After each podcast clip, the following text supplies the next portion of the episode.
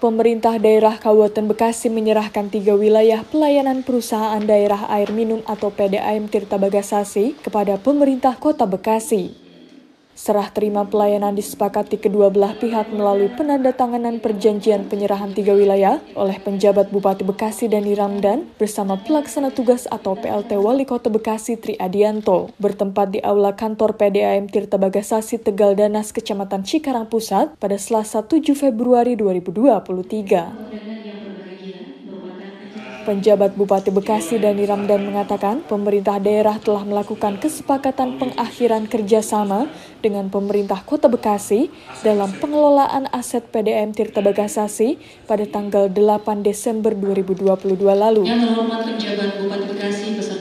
Kemudian menindaklanjuti melalui penyerahan tiga wilayah pelayanan, yaitu kantor cabang Wisma Asri, kantor cabang Pembantu Harapan Baru, dan kantor cabang Pondok Gede. Dari tiga wilayah tersebut sebanyak 19.000 sambungan pelanggan PDM Tirta Bagasasi yang selanjutnya akan menjadi milik Perumda Tirta Patriot Kota Bekasi.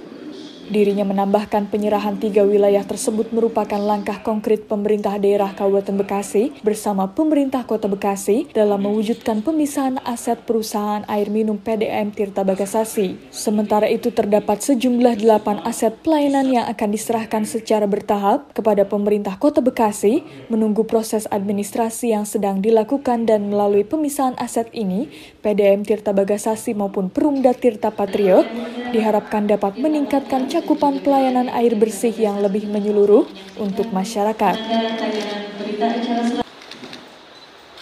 Tanggal 8 Desember lalu sudah ditandatangani antara pejabat bupati dengan PLT Wali Kota Bekasi, yaitu dalam eh, MOU penyerahan aset di tiga wilayah, ini pentahapan gitu, tiga wilayah layanan, dan limanya nanti tentu menunggu proses berikutnya.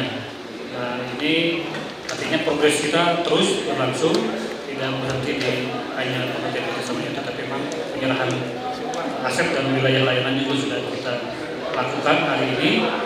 Dan demikian uh, maka konkret apa yang sudah kita sepakati ini terwujud terrealisasi dengan baik-baiknya walaupun bertahap. Itu harapannya mudah-mudahan akan uh, meningkatkan uh, layanan kualitas layanan di kedua belah wilayah ya, di Kota Bekasi maupun di Bekasi karena sekarang fokus dari untuk eh, konsentrasi layanan PDAM-nya sekarang sudah uh, terfokus di wilayah masing-masing. Pada kesempatan yang sama, PLT Wali Kota Bekasi Tri Adianto mengatakan, dengan penyerahan tiga wilayah pelayanan ini, ke depannya bisa mengoptimalkan pelayanan kualitas air bersih kepada masyarakat Kota Bekasi, bahkan mengembangkan pelayanan untuk air minum. Dirinya mengakui pemisahan aset ini merupakan momentum yang sangat dinanti baik pemerintah Kota Bekasi maupun pemerintah daerah setelah melewati proses dan tahapan yang cukup panjang dan berharap direksi Perumda Tirta Patriot selanjutnya dapat menyelesaikan lima wilayah pelayanan bersama direksi PDM Tirta Bagasasi. MDGs kita itu bukan saja sebagai air bersih, tapi juga harusnya sudah menjadi air minum. Ya, nah ini menjadi tantangan. Mudah-mudahan ya, setelah tiga ini lima ini akan kita lanjutkan ya, karena memang ada hak dan kewajiban yang harus uh, diselesaikan ya.